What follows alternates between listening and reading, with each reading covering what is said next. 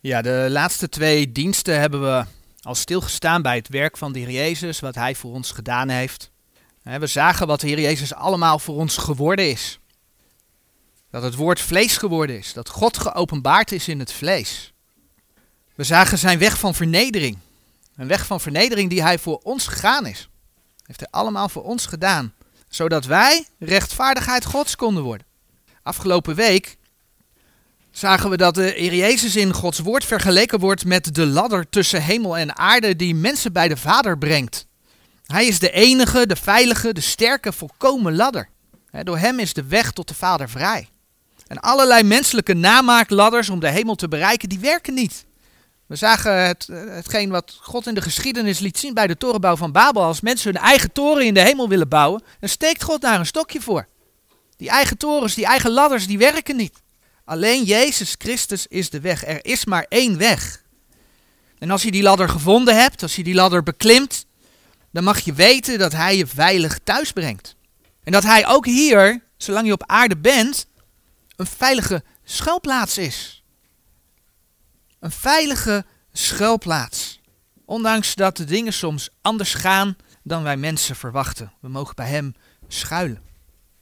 Voordat ik dan verder ga, wil ik allereerst een gedeelte uit Johannes nog lezen. Johannes 1 vanaf vers 1. Johannes 1 vanaf vers 1. In den beginnen was het woord, en het woord was bij God, en het woord was God. Dit was in den beginnen bij God. Alle dingen zijn door hetzelfde gemaakt, en zonder hetzelfde is geen ding gemaakt dat gemaakt is. In hetzelfde was het leven, en het leven was het licht der mensen. En het licht schijnt in de duisternis, en de duisternis heeft hetzelfde niet begrepen. Er was een mens van God gezonden, wiens naam was Johannes. Deze kwam tot een getuigenis om van het licht te getuigen, opdat zij alle door hem geloven zouden. Hij was het licht niet, maar was gezonden opdat hij van het licht getuigen zou. Dit was het waarachtige licht, het welk verlicht een iegelijk mens, komende in de wereld. Hij was in de wereld, en de wereld is door hem gemaakt, en de wereld heeft hem niet gekend. Hij is gekomen tot het zijne, en de zijne hebben hem niet aangenomen. Maar zoveel hem aangenomen hebben, dien heeft hij macht gegeven kinderen gods te worden, namelijk die in zijn naam geloven. Welke niet uit den bloede, noch uit de wil des vleeses, nog uit de wil des mans, maar uit God geboren zijn. En het woord is vlees geworden en heeft onder ons gewoond. En wij hebben zijn heerlijkheid aanschouwd, een heerlijkheid als des enig geborene van de Vader, vol van genade en waarheid. Het is vanmorgen al een paar keer gevallen dat we in een duistere wereld leven. En de wereld die ligt in het boze en de Heere God wint er in zijn woord dan ook geen doekjes om. Als je gelaten 1 vers 4 kijkt, dan zegt God gewoon, de wereld ligt in het boze. Gelaten 1 vers 4 komen overigens iedere keer wel bij Johannes terug. Gelaten 1 vers 4, die zichzelf gegeven heeft voor onze zonde, opdat hij ons trekken zou uit deze tegenwoordige boze wereld, naar de wil van God en de Vader. De wereld is boos. De wereld ligt in duisternis. En dat is natuurlijk geen wonder als je beseft dat de God deze eeuw, de God van deze wereld, 2 Korinthe 4 vers 4, de overste van de macht der lucht, de geestelijke boosheden in de lucht, teksten die je in Efeze 2 en Efeze 6 kunt vinden. Ja, dat die hier onder toelating van de Heer de scepter mogen zwaaien. En dat zien we als we kijken naar de interesses van, ja, van de meeste mensen. Waar voeden mensen zich mee? De laatste jaren is dat enorm in opkomst geweest, Halloween. Een feest van de dood. En in 2015 kwam ik daar al berichtjes over in de krant tegen dat het feest niet meer weg te denken was uit Nederland. Een feest waarbij mensen griezelen met skeletten. En ja, ik kwam toen zelfs een berichtje tegen waarbij mensen gaan dansen onder een douche van bloed. En dan kom je in, met een dagje uit, kom je in Burger Zoo. En dan maakt Burger Zoo reclame voor de Dag van de Dood. Oftewel een Mexicaanse variant op de Halloween. Zogenaamd niet bedoeld om te griezelen, maar wel om de Dag van de Dood te vieren. Gezellig. Tijdens een dagje uit. En zo zijn er natuurlijk veel meer voorbeelden te bedenken die we om ons heen zien gebeuren. Deze wereld ligt in duisternis. Deze wereld ligt in het boze. Mensen vinden het normaal om, om, om duistere dingen te doen, omdat ze onder leiding staan van de boze. Ja, en als men dan zo met de dood bezig is, dan zou je toch haast verwachten dat de mens daar op de een of andere manier naar verlangt. Nou, dat zien we dan vandaag de dag met corona. Mensen zijn zo bang voor de dood. Dus ze willen er wel feest over vieren. Ze willen douchen onder, douchen onder een douche van bloed. En dan komt er een virus die niet eens zo erg is als men doet voorkomen. Ja, het is een virus en ja, er sterven mensen aan. Ik wil dat helemaal niet wegstoppen, nogmaals. Maar de maatregelen worden wel vooral genomen op veronderstellingen die niet kloppen. En de leugen voert deze dagen hoogtij. Dat is de wereld waar wij in leven. Een wereld die ook bewust kapot gemaakt wordt. Een duistere wereld. Maar een wereld, dat hebben we net in Gelaten 1 vers 4 gelezen, waar de Heer mensen uit wil trekken. En de meesten van ons kennen de Heer Jezus. Waar de Heer ons uitgetrokken heeft. Hij heeft ons uit de wereld getrokken. Daarvoor is Hij naar deze aarde gekomen. Heeft Hij zijn leven voor ons gegeven. Wij dienen niet de God van de dood. We dienen niet de God van de duisternis. Wij mogen de God van het leven dienen. De God van het licht. Vorige week hebben we onder andere bij Johannes 14, vers 6 stilgestaan. En de tekst die staat hier op de dia. Jezus zeide tot hem: Ik ben de weg en de waarheid en het leven. Niemand komt tot de Vader dan door mij. De Heer Jezus is dus niet alleen de weg. Daar hebben we bij stilgestaan door middel van die ladder die we, die we gezien hebben. Aan de hand ook van, van uh, Jacob. Maar hij is ook de waarheid en het leven. En vanmorgen willen we dan met name kijken naar het feit dat de Heer Jezus het leven is. We hebben vanmorgen in Lucas 2, vers 32 uh, gezien waar Simeon over de Heer Jezus zei dat hij een licht tot verlichting der heidenen is. En tot heerlijkheid van uw volk Israël. Een licht tot verlichting der heidenen. En we lazen in Johannes 1, vers 4 over het woord wat over de Heer Jezus gaat. Johannes 1, vers 4. In hetzelfde was het leven en het leven was het licht der mensen. En als we dan bij het leven stilstaan, dan is het goed om bij God zelf te beginnen. De Heere God zelf is namelijk het leven. In een gedeelte, en dan bladeren we naar Jeremia 10, wat gaat over de Heere en de afgoden. Daar lezen we dat afgoden niets kunnen. Jeremia 10. Afgoden kunnen helemaal niets. Denk maar aan een Boeddha-beeld.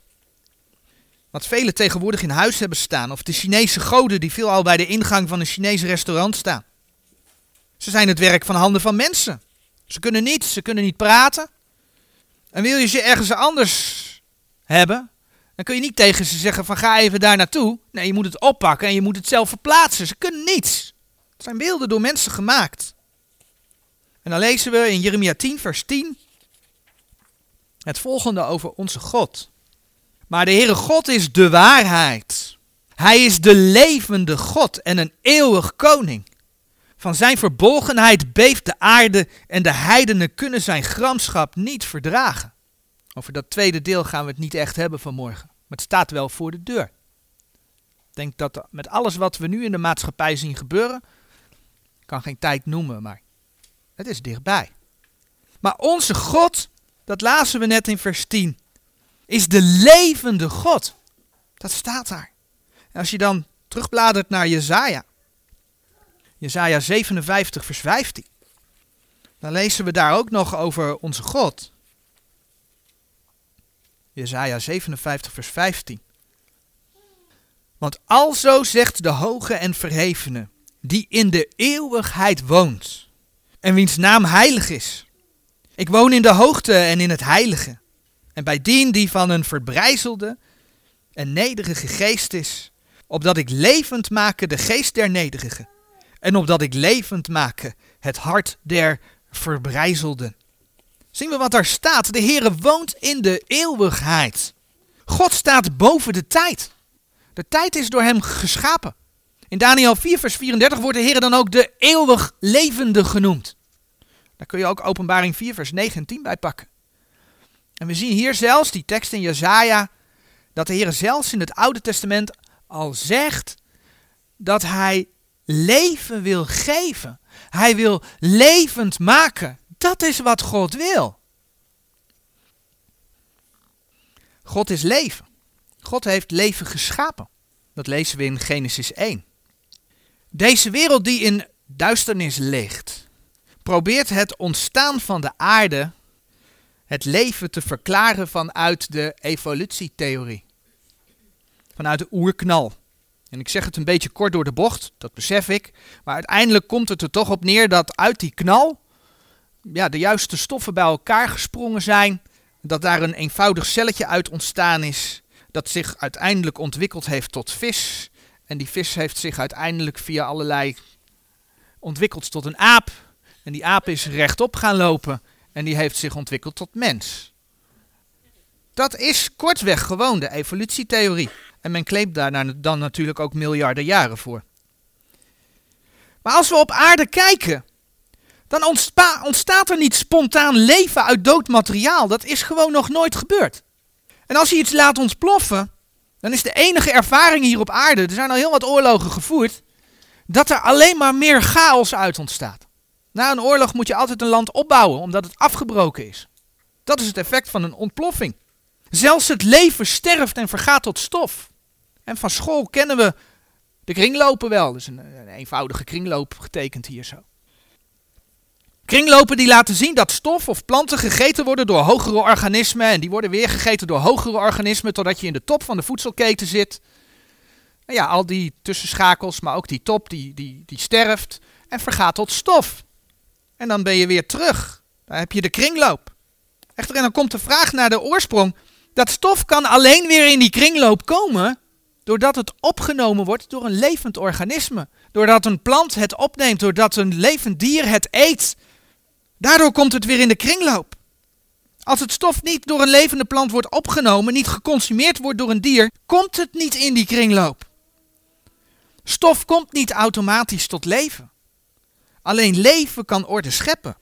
En zo krijgt een lammetje het leven van de moederschaap. Maar dan heb je ook nog een vaderschaap nodig. En, en, en bij schapen spreken we dan over ooien en rammen. Een plant groeit uit het zaad dat door de bloem verspreid wordt. En dan heb je de processen als bestuiving. Een baby krijgt het leven van de ouders. Oftewel, leven komt uit leven voort. En daarom is de enige mogelijke verklaring dat God er is, die het leven is, en die dus ook op aarde het leven gegeven heeft. Andere verklaring is er niet. En daarom hebben we in Johannes 1, want dat ging daar natuurlijk over, de versen gelezen, de eerste vier versen. In den beginnen was het woord en het woord was bij God en het woord was God. Dit was in den beginnen bij God. En alle dingen zijn door hetzelfde gemaakt. God sprak en het was er. En zonder hetzelfde is geen ding gemaakt dat gemaakt is. God is de oorsprong van alles. In hetzelfde was het leven en het leven was het licht der mensen. God schiep de mens uit het stof der aarde. Dat vinden we in Genesis 2 vers 7. En hij blies de mens in de neus de adem des levens en zo werd die mens tot een levende ziel. Nogmaals, God in wie het leven is, je kunt dat vinden in Genesis 2, vers 7, heeft het leven gegeven. En eigenlijk had die mens, die toen geschapen werd, ook nog de toegang tot het eeuwige leven. Die mens had eeuwig kunnen leven, maar het was de zondeval, hè, de mens die niet luisterde naar God. God gaf een opdracht, maar de mens liet zich verleiden. Dat is de zondeval. De mens luisterde niet naar God en stierf in eerste instantie geestelijk. Genesis 2, vers 17. En uiteindelijk zou de mens na verloop van tijd ook lichamelijk doodgaan. Maar God ontzegde hem ook de weg tot de boom des levens. Kijk maar in Genesis 3, vers 22. Toen zeide de Heere God, zie de mens is geworden als onze één, kennende het goed en het kwaad. Nu dan dat hij zijn hand niet uitsteken en nemen ook van de boom des levens en eten en leven in eeuwigheid. Dus die mens had toen eeuwig kunnen leven, als ze niet in zonde gevallen waren. Ja, en dat hebben we allemaal te danken aan. Nou ja, niet helemaal allemaal natuurlijk, want de mens is daar vrijwillig in meegegaan. Maar de mens heeft zich laten verleiden door de duivel. Genesis 3, vers 1, vers 4, vers 5. En daardoor kwam de dood in de wereld. Ja, en die dood die kennen we nog steeds. Mensen zijn er bang voor, dat ze God niet kennen. Gaan er wel feestjes over vieren. Bedenken daar de raarste dingen bij. Maar oh, wat zijn ze er bang voor? Dat komt omdat ze God niet kennen. Romeinen 5, vers 12 zegt dus dat door de zonde van Adam ja, alle mensen zondig zijn geworden. En daarmee is ook die duivel de God van deze wereld geworden. Mensen staan van nature onder zijn macht. Daarom doen ze ook die rare dingen. Maar de Heere God die wist dat dat zou gaan gebeuren. En daarom heeft hij al voor de schepping bepaald dat mensen in zijn zoon het eeuwige leven zouden krijgen. En dan lezen we bijvoorbeeld de versen in Titus. Titus hoofdstuk 1, de eerste twee versen. Paulus, een dienstknecht Gods en een apostel van Jezus Christus, naar het geloof der uitverkorene Gods en de kennis der waarheid die naar de godzaligheid is. In de hopen des eeuwige levens, welke God die niet liegen kan, beloofd heeft voor de tijden der eeuwen, maar geopenbaard heeft te zijner tijd. Hier zien we dat de Heer zijn plan al klaar had. Dat had hij al klaar liggen voor de schepping. En nee, dat heeft niet met Calvinistische uitverkiezing te maken dat God aanwijst van nou, jij mag naar de hemel en jij mag naar de hel. Daar heeft het niet mee te maken. Ieder mens krijgt de kans om dat eeuwige leven te ontvangen. Wordt bijvoorbeeld heel duidelijk uit een tekst als 1 Timotheus 2 vers 5 en 6. Hè, waar, de, waar de, gesproken wordt over het feit dat de Heer Jezus een rantsoen, zichzelf als rantsoen gegeven heeft voor allen. Hij is voor alle mensen gestorven. Maar de Heer God was alwetend. 1 Petrus 1 vers 2. En God wist wie van de mensen zijn zoon zouden aannemen. En hij heeft bepaald dat een ieder die zijn zoon zouden aannemen. En dan bladeren we even naar Efeze 1. Efeze 1 gaat een groot gedeelte gaat daarover, maar we lezen er twee versen uit. Want we gaan vanmorgen verder niet over de uitverkiezing praten. Het woordje uitverkiezing is gewoon een Bijbels woord. Alleen er is door Calvijn en de kerken daaromheen is een hele onbijbelse leer gebrouwen. God heeft bepaald dat degenen die in Jezus Christus zouden zijn, het eeuwige leven zouden krijgen. Efeze 1, vers 4 en 5. Gelijk hij ons uitverkoren heeft in hem, in de Heer Jezus, voor de grondlegging der wereld, opdat wij zouden heilig en onberispelijk zijn voor hem in de liefde die ons tevoren verordineerd heeft tot aanneming tot kinderen, door Jezus Christus in zichzelf, naar het welbehagen van zijn wil. En de clue ziet hem in de woordjes in hem. Hij heeft ons uitverkoren in hem. Hij wist wie Jezus Christus zouden aannemen, wie in hem zouden zijn.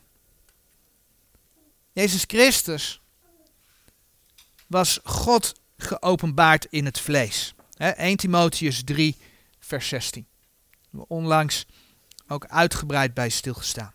Naast het feit dat hij een menselijk lichaam had, was hij dus God. En daarmee was hij ook als mens op aarde, en dan zeg ik mens met hoofdletter, hè, was hij ook als mens op aarde het leven. We hebben in, vanmorgen in Johannes 1, vers 4 gelezen dat in het woord, in de Heer Jezus, het leven is. En dat het leven het licht der mensen is. Zo lezen we daar bijvoorbeeld in 1 Johannes 5 de volgende versen over. 1 Johannes 5, vers 10 tot en met 13. En dan lezen we eigenlijk ook wat dat voor ons, ja, wat dat voor mensen kan betekenen. 1 Johannes 5, vers 10 tot en met 13. Die in de zonen Gods gelooft, heeft de getuigenis in zichzelf, die God niet gelooft, heeft hem tot een leugenaar gemaakt. Terwijl hij niet geloofd heeft de getuigenis die God getuigd heeft van zijn zoon. En dit is de getuigenis namelijk dat ons God het eeuwige leven gegeven heeft en ditzelfde leven is in zijn zoon. Die de zoon heeft, die heeft het leven.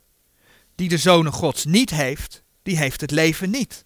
Deze dingen heb ik u geschreven, die gelooft in de naam van de zonen Gods, opdat gij weet dat gij het eeuwige leven hebt en opdat gij gelooft in de naam des zoons van God.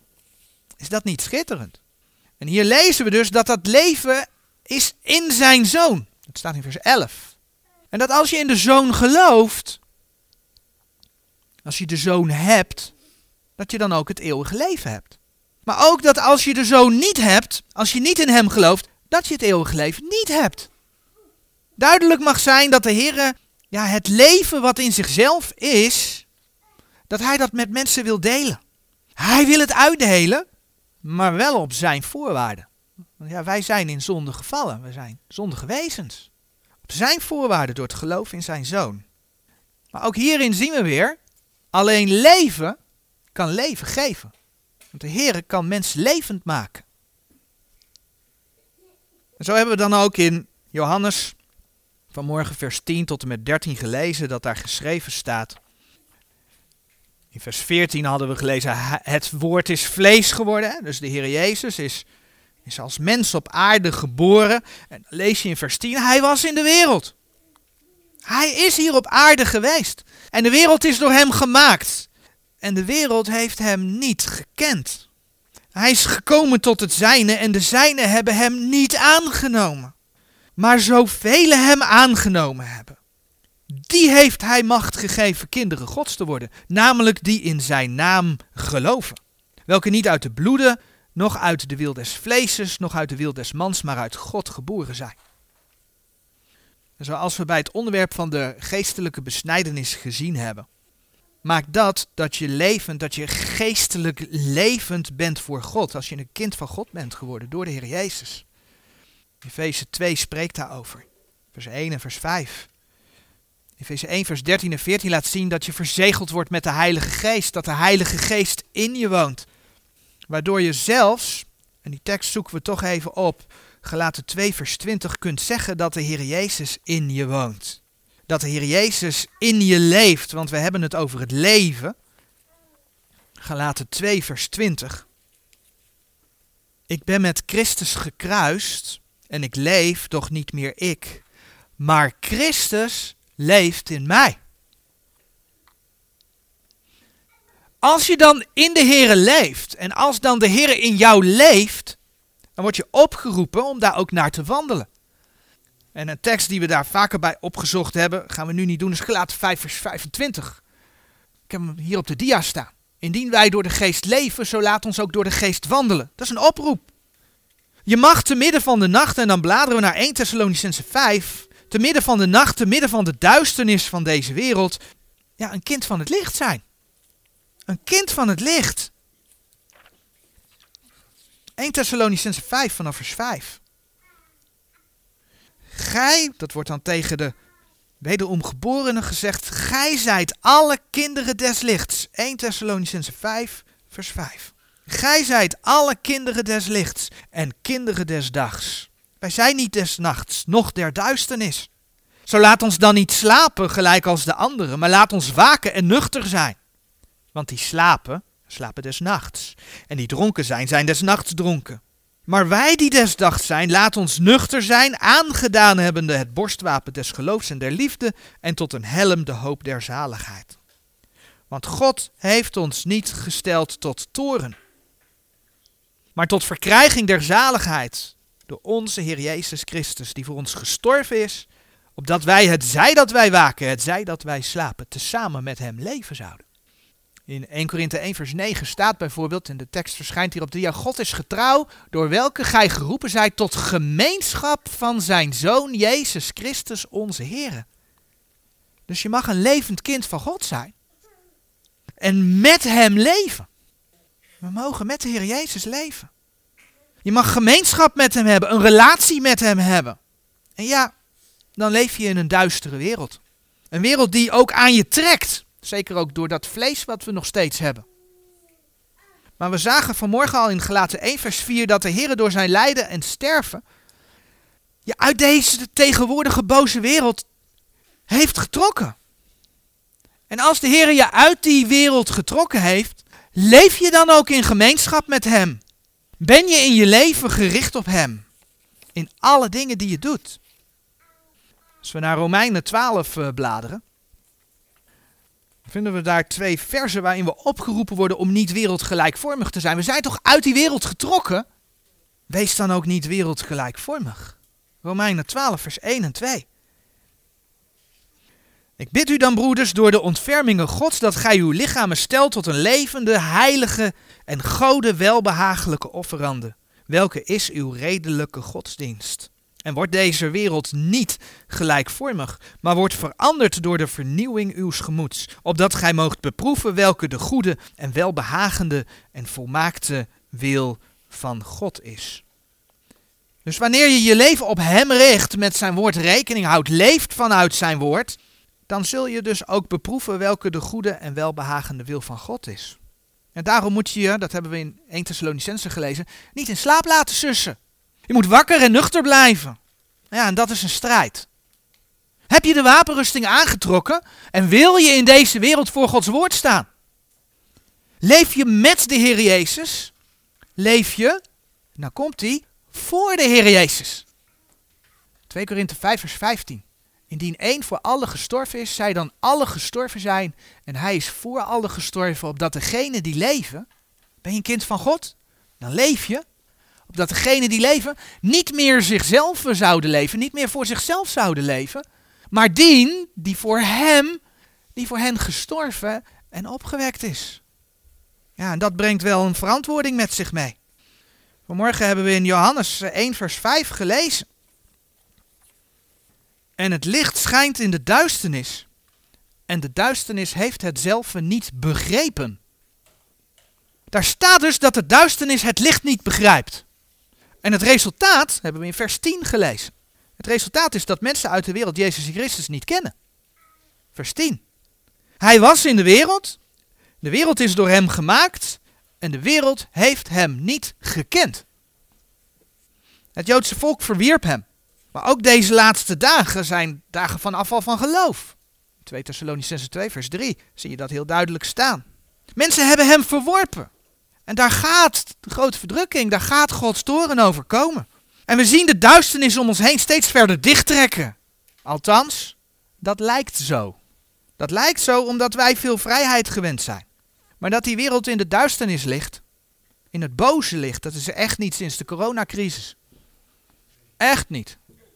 Dat is al veel langer. Dat is al vanaf de zondeval zo. Die wereld ligt in het boze. Denk aan alle oorlogen die er gevochten zijn. Denk aan alle vervolgingen die er geweest zijn. Denk aan de miljoenen mensen die in de middeleeuwen door de Rooms-Katholieke Kerk vermoord zijn. Omdat ze Jezus Christus beleden en zich aan de schrift vasthielden. Er wordt altijd verteld dat mensen in die tijd de Bijbel niet lazen. Er waren echt wel mensen die de Bijbel kenden en die de Bijbel lazen. Alleen die werden vervolgd. Rooms-Katholieke Kerk.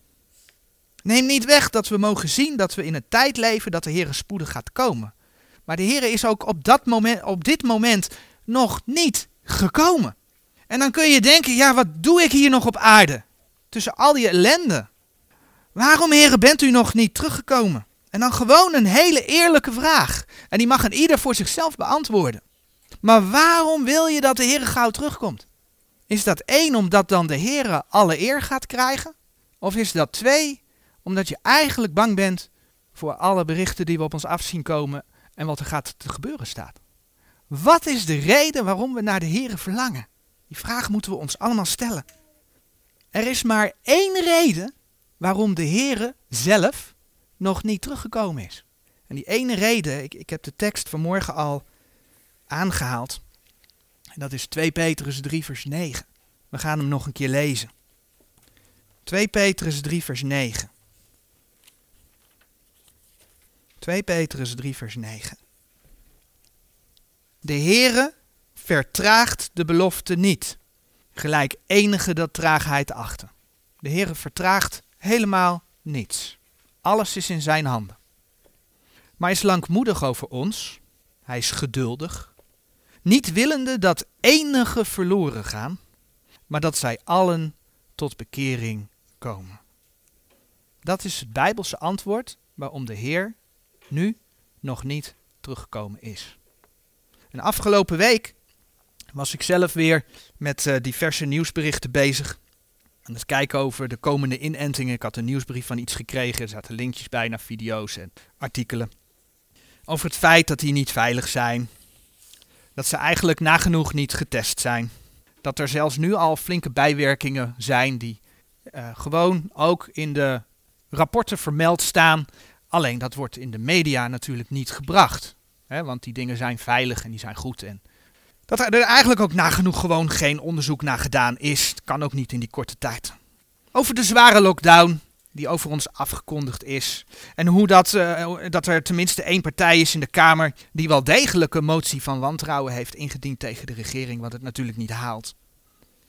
En ja, weet je, ja, zo werkt dat bij mij. En ieder zal er op zijn eigen wijze mee omgaan. Maar bij mij begint het dan toch wel een beetje te kriebelen. En dan denk ik, ja, klopt het dan wel, hè? Dat we de overheid gehoorzaam moeten zijn, waar ik laatst ook over gesproken heb. Totdat het tegen Gods woord ingaat. Moeten we niet in opstand komen? Maar weet je, Gods woorden in Romeinen 13 en 1 Petrus 2 zijn gewoon duidelijk. Dat is wat de Heer van ons vraagt. En in de Bijbel lees je niet dat de apostelen politiek bezig waren.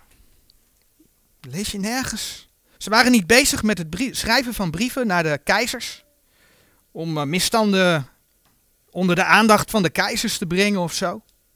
Nee. Wat je wel leest is dat men het woord verkondigde. Dat lees je wel. Het woord moet verkondigd worden. Wat je wel leest is dat er getuigd werd van het leven. Van het eeuwige leven in een wereld die ook toen duister was. En dat deden ze door alles te vertellen. Als we bijvoorbeeld Handelingen 24, vers 25 opzoeken. Ze wonden er geen doekjes omheen, zullen we maar zo zeggen. Gewoon de Bijbelse boodschap, klip en klaar. In Handelingen 24, vers 25, daar lezen we hoe Paulus Felix van allerlei dingen vertelde. En dan lezen we in dat vers dat hij niet alleen over de liefde van God sprak. In vers 25 lezen we, en als hij handelde van rechtvaardigheid en matigheid. Nou, als hij over rechtvaardigheid handelde, betekent dat hij sprak over de zonde. Anders kun je niet over de rechtvaardigheid spreken. En van het toekomende oordeel. Paulus hield wel degelijk het oordeel voor aan, aan Felix. Want alleen daarop kon hij kiezen, of voor de dood of voor het leven. Als je het niet vertelt, dan weten mensen toch niet waar ze voor kiezen. En het resultaat is, dat staat er ook, Felix zeer bevreesd geworden zijnde. Ja, inderdaad, Felix, Felix werd bang. Maar Paulus heeft hem wel het woord voorgehouden. Felix, zeer bevreesd geworden zijn de antwoorden voor ditmaal ga heen. En als ik gelegen tijd zal hebben bekomen, zo zal ik u tot mij roepen. Felix, die was het wel even genoeg. Maar hij heeft wel het woord gehoord. Paulus sprak over rechtvaardigheid en oordeel. En Felix werd bang. Mensen hebben de waarheid nodig, anders hebben ze echt geen reden om na te gaan denken. Komt wel goed met mij, want God is toch liefde. Als je Jezus Christus niet aanneemt, komt het niet goed. Besef dat al die mensen die de Heer Jezus niet kennen, en dan gebruik ik de woorden van Johannes 5, vers 24, dus ik gebruik Gods woorden. Je kunt het opzoeken. Dat al die mensen naar de verdoemenis gaan. En daarom zegt 2 Timotheus 4 vers 2. 2 Timotheus 4 vers 2. Dat de laatste tekst die we opzoeken. 2 Timotheus 4 vers 2. We hebben laatst in de dienst gesproken over het aanhouden. Dat we moeten volharden, dat we moeten doorgaan. Doorgaan met bidden, doorgaan met Bijbel lezen. En zo nog een aantal dingen die we, die we gezien hebben, die de revue gepasseerd zijn. En dan lezen we hier in 2 Timotheus 4 vers 2 eigenlijk een soortgelijk iets. Predik het woord, houd aan. Tijdiglijk, ontijdiglijk. Wederleg, bestraf, vermaan in alle langmoedigheid en leer. En ja, ik weet dat dit in eerste instantie gericht is aan Timotheus. En nee, niet iedereen is als Timotheus een voorganger. Maar we zijn wel allemaal, 2 Korinthe 5 vers 20, gezanten van Christus. En als we dan in 2 Petrus 3 vers 9 zien dat de Heer wil dat een ieder behouden wordt, dat hij daarom nog niet is teruggekomen, dan is dat wat de Heer graag van ons wil. Proberen wij op de een of andere manier mensen die verloren zijn te bereiken met zijn woord. Want hij wil mensen graag het leven geven. Hij wil graag dat mensen straks bij hem komen in de eeuwigheid. De Heer wil dat wij in de duisternis van de wereld, zoals deze is, gewoon ook vandaag de dag, zijn licht de boodschap van het leven verspreiden totdat Hij komt. Amen.